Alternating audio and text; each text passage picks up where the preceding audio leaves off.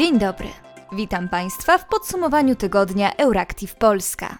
Dzisiaj opowiemy m.in. o wyborach prezydenckich we Francji oraz naradach w Ramstein. Nazywam się Patrycja Gosk, a w wirtualnym studiu jest też Bartosz Sieniawski. Wydawczynią podcastu jest Kinga Wysocka. Mimo, że holenderskie firmy odmawiają płacenia za gaz w rublach, Rosja nadal zaopatruje Holandię w surowiec. Jej państwowe spółki mają bezpośrednie kontrakty z Rosją. Ostatecznie to firmy przekazują pieniądze, powiedziała Lucia von Goins, ekspertka do spraw energii z Haskiego Centrum Studiów Strategicznych. To, czy zrobią to za pomocą mechanizmu zaproponowanego przez Gazprom, czy nie, zależy od decyzji strony komercyjnej, informuje portal NOS. Holandia przygotowuje się na odcięcie od rosyjskiego gazu. Obecnie rosyjski gaz stanowi 15% dostaw do tego kraju, pisze NL Times. Holenderskie władze pracują nad nową strategią, polegającą m.in. na oszczędzaniu energii oraz koncentrują się na imporcie skroplonego gazu ziemnego. Dziś z roboczą wizytą w Emshaven w Groningen. Od sierpnia będzie tu stał pływający terminal LNG. Oznacza to, że LNG może być przechowywany i przetwarzany na gaz ziemny dla holenderskiej sieci gazowej. Dzięki temu będziemy mogli importować dodatkowy gaz z krajów innych niż Rosja. Napisał w poniedziałek na Twitterze minister klimatu i energii Rob Jetten. Jak informowaliśmy kilka dni temu na Euractiv.pl, Holandia planuje do końca tego roku całkowicie odstąpić od importu rosyjskiego gazu, rezygnując z niego na rzecz źródeł energii z innych krajów. W amerykańskiej bazie lotniczej Ramstein w nadrenni Palatynacie na zaproszenie sekretarza obrony USA Lloyda Austina spotkali się przedstawiciele około 40 krajów, aby rozmawiać o wojnie w Ukrainie. Otwierając naradę, Austin zadeklarował, że USA i sojusznicy poruszą niebo i ziemię, aby zapewnić Ukraińcom to, czego potrzebują.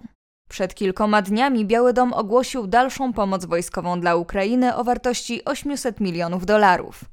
Obejmuje ona m.in. dziesiątki haubic i drony taktyczne. Wyślemy Ukrainie dodatkowe 500 milionów dolarów bezpośredniej pomocy finansowej, zapowiedział Joe Biden. Do Kijowa będą powracać amerykańscy dyplomaci, którzy wycofali się stamtąd na około dwa tygodnie przed rosyjskim atakiem na Ukrainę 24 lutego. Ambasada USA w Ukrainie została wówczas czasowo przeniesiona do Lwowa, a następnie do Polski. Tymczasem, według informacji niemieckich mediów, Niemcy dostarczą Ukrainie samobieżne działa przeciwlotnicze. Magdalena Rzeczkowska zostanie nową szefową resortu finansów.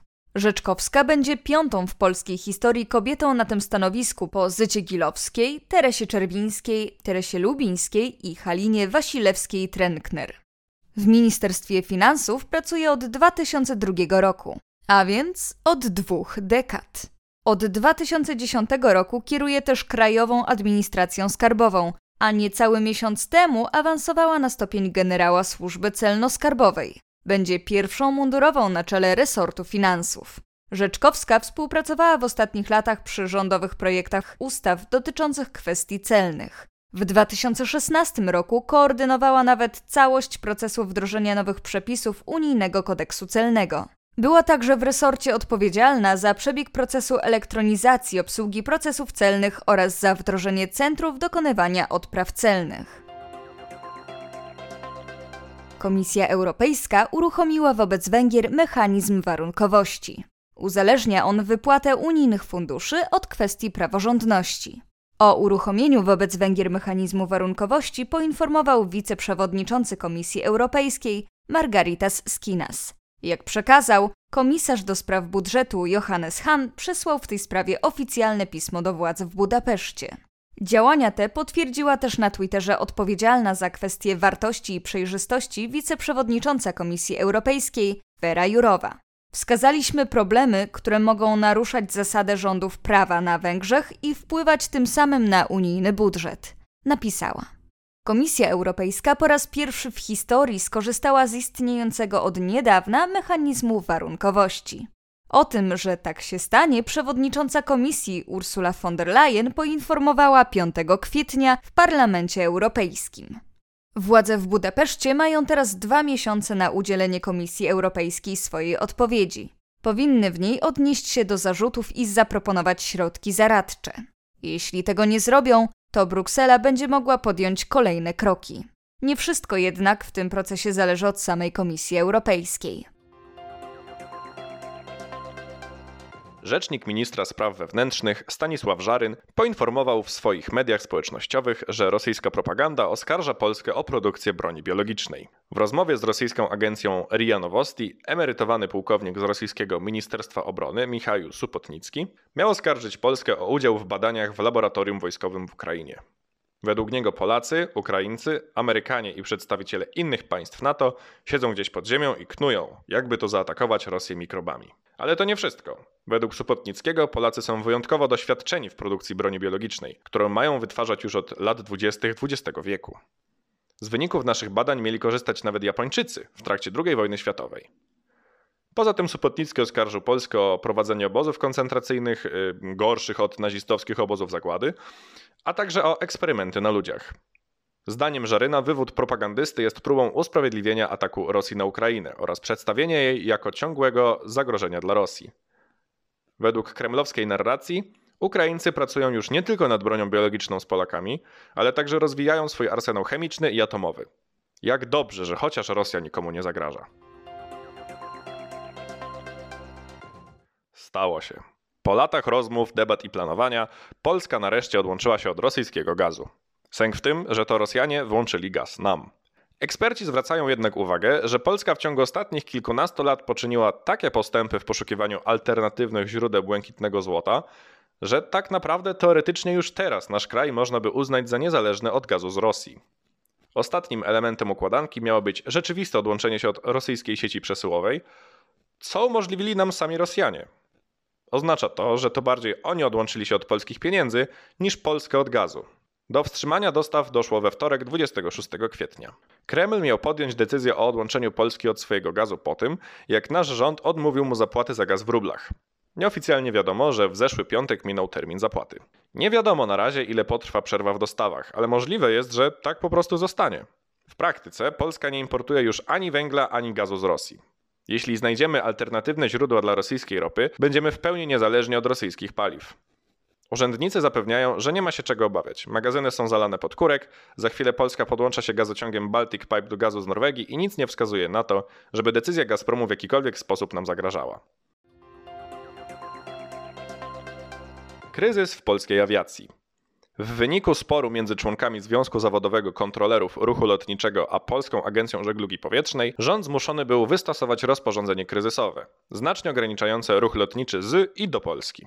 Kontrolerom pod koniec zeszłego roku przedstawiono nowe warunki pracy i płacy, które okazały się niezadowalające. Związek Zawodowy Kontrolerów wystosował kilkadziesiąt postulatów zmian dotyczących warunków bezpieczeństwa na stanowiskach oraz wysokości pensji. Związkowcy zagrozili, że w razie niespełnienia ich wymagań złożą rezygnację z pracy. Choć rząd przystał na wszystkie 24 propozycje kontrolerów dotyczące poprawienia warunków BHP, do ostatecznego porozumienia nie doszło. Kością niezgody pozostają za niskie pensje, które Agencja Żeglugi Powietrznej tłumaczy słabą kondycją finansów polskiej awiacji po pandemii COVID-19. W opublikowanym przez rząd rozporządzeniu wytypowano m.in. 32 priorytetowe trasy w Europie, które będą obsługiwane nawet jeśli do 1 maja nie dojdzie do porozumienia z kontrolerami. Rozporządzenie zakłada także ograniczenie godzin pracy obu warszawskich lotnisk, Modlina i Okęcia, do działalności od 9.30 do 17.00 każdego dnia. Z rządowego planu niezadowolony jest m.in. Ryanair, irlandzkie linie lotnicze, które uznały, że rząd priorytetyzuje PLL LOT w projekcie łagodzenia skutków braku kontrolerów. Rzeczywiście, to lotowi przypada większość tras do priorytetowych lotnisk. W maju Ryanair będzie mógł obsługiwać zaledwie dwie trasy, a lot 19. Sytuacja przeniosła się do Brukseli, ponieważ Irlandczycy zaskarżyli polski rząd do Komisji Europejskiej. Polski ruch lotniczy czeka intensywny miesiąc. Prezydent Francji Emmanuel Macron pozostanie w Pałacu Elizejskim. Liberał wygrał drugą turę wyborów prezydenckich, ponownie po zwycięstwie w 2017 roku, pokonując w nich skrajnie prawicową Marine Le Pen. Do politycznego starcia doszło we Francji 24 kwietnia i już tego samego dnia wiadomo było, że Macron utrzyma swoje stanowisko. Prezydent uzyskał 58,5% głosów, a jego kontrkandydatka 41,5%. Wybór Francuzów nie należał do najprostszych. Zarówno Macron, jak i Le Pen są kandydatami budzącymi skrajne emocje. Le Pen za domowienie się w Pałacu Elizejskim uniemożliwiły jej skrajne oraz prorosyjskie poglądy. Natomiast na zawahanie pewnością zwycięstwa Macrona wpływ miał fakt, że on akurat do Pałacu Elizejskiego się dostał i urzęduje tam już 5 lat. Macron jest krytykowany za m.in. politykę wewnętrzną kraju. To w końcu za jego kadencji doszło do masowych protestów tzw. Tak żółtych kamizelek. Tymczasem Marine Le Pen, choć nie wygrała wyborów, przekonała do siebie dużą część francuskiego elektoratu. Sprytnie przypudrowane skrajnie prawicowe poglądy i schowane na dno szafy zdjęcia z Władimirem Putinem pozwoliły jej zaprezentować się Francuzom jako niegroźna polityczka. Według sondażu przeprowadzonego przez jedną z francuskich stacji telewizyjnych, zaledwie 9% Francuzów głosujących na Macrona oddało na niego głos, ponieważ uważa go za dobrego kandydata na prezydenta. Pozostałe 91% za największy atut swojego kandydata uważa fakt, że nie jest on Marine Le Pen. Europa tymczasem odetchnęła z ulgą. Mowa tu zwłaszcza o środowiskach proeuropejskich i centrowych, które obawiały się zwycięstwa Le Pen w momencie, kiedy relacje Europy z Rosją są, można by rzec, nieco napięte. Więcej Europy, mniej Rosji. Vive la France, napisał na Twitterze Donald Tusk. Gratulacje Macronowi złożyli także Andrzej Duda i Mateusz Morawiecki, pozostający z prezydentem Francji w napiętych stosunkach po tym, jak kilka dni przed wyborami postanowili się publicznie zwyzywać. Le Pen przegrała i Morawiecki został ze zdjęciami z nią jak Himmelsbach z angielskim. Skomentował na Twitterze jeden z jego użytkowników, zamieszczając do tego zdjęcie dwójki polityków stojących razem na spotkaniu. Macron ma zatem kolejne pięć lat na przekonywanie do siebie Francuzów, rozbudowywanie europejskiej energetyki jądrowej i codzienne telefony do Putina. Już wszystko w dzisiejszym podsumowaniu tygodnia redakcji Euractiv Polska. Życzymy Państwu miłego weekendu.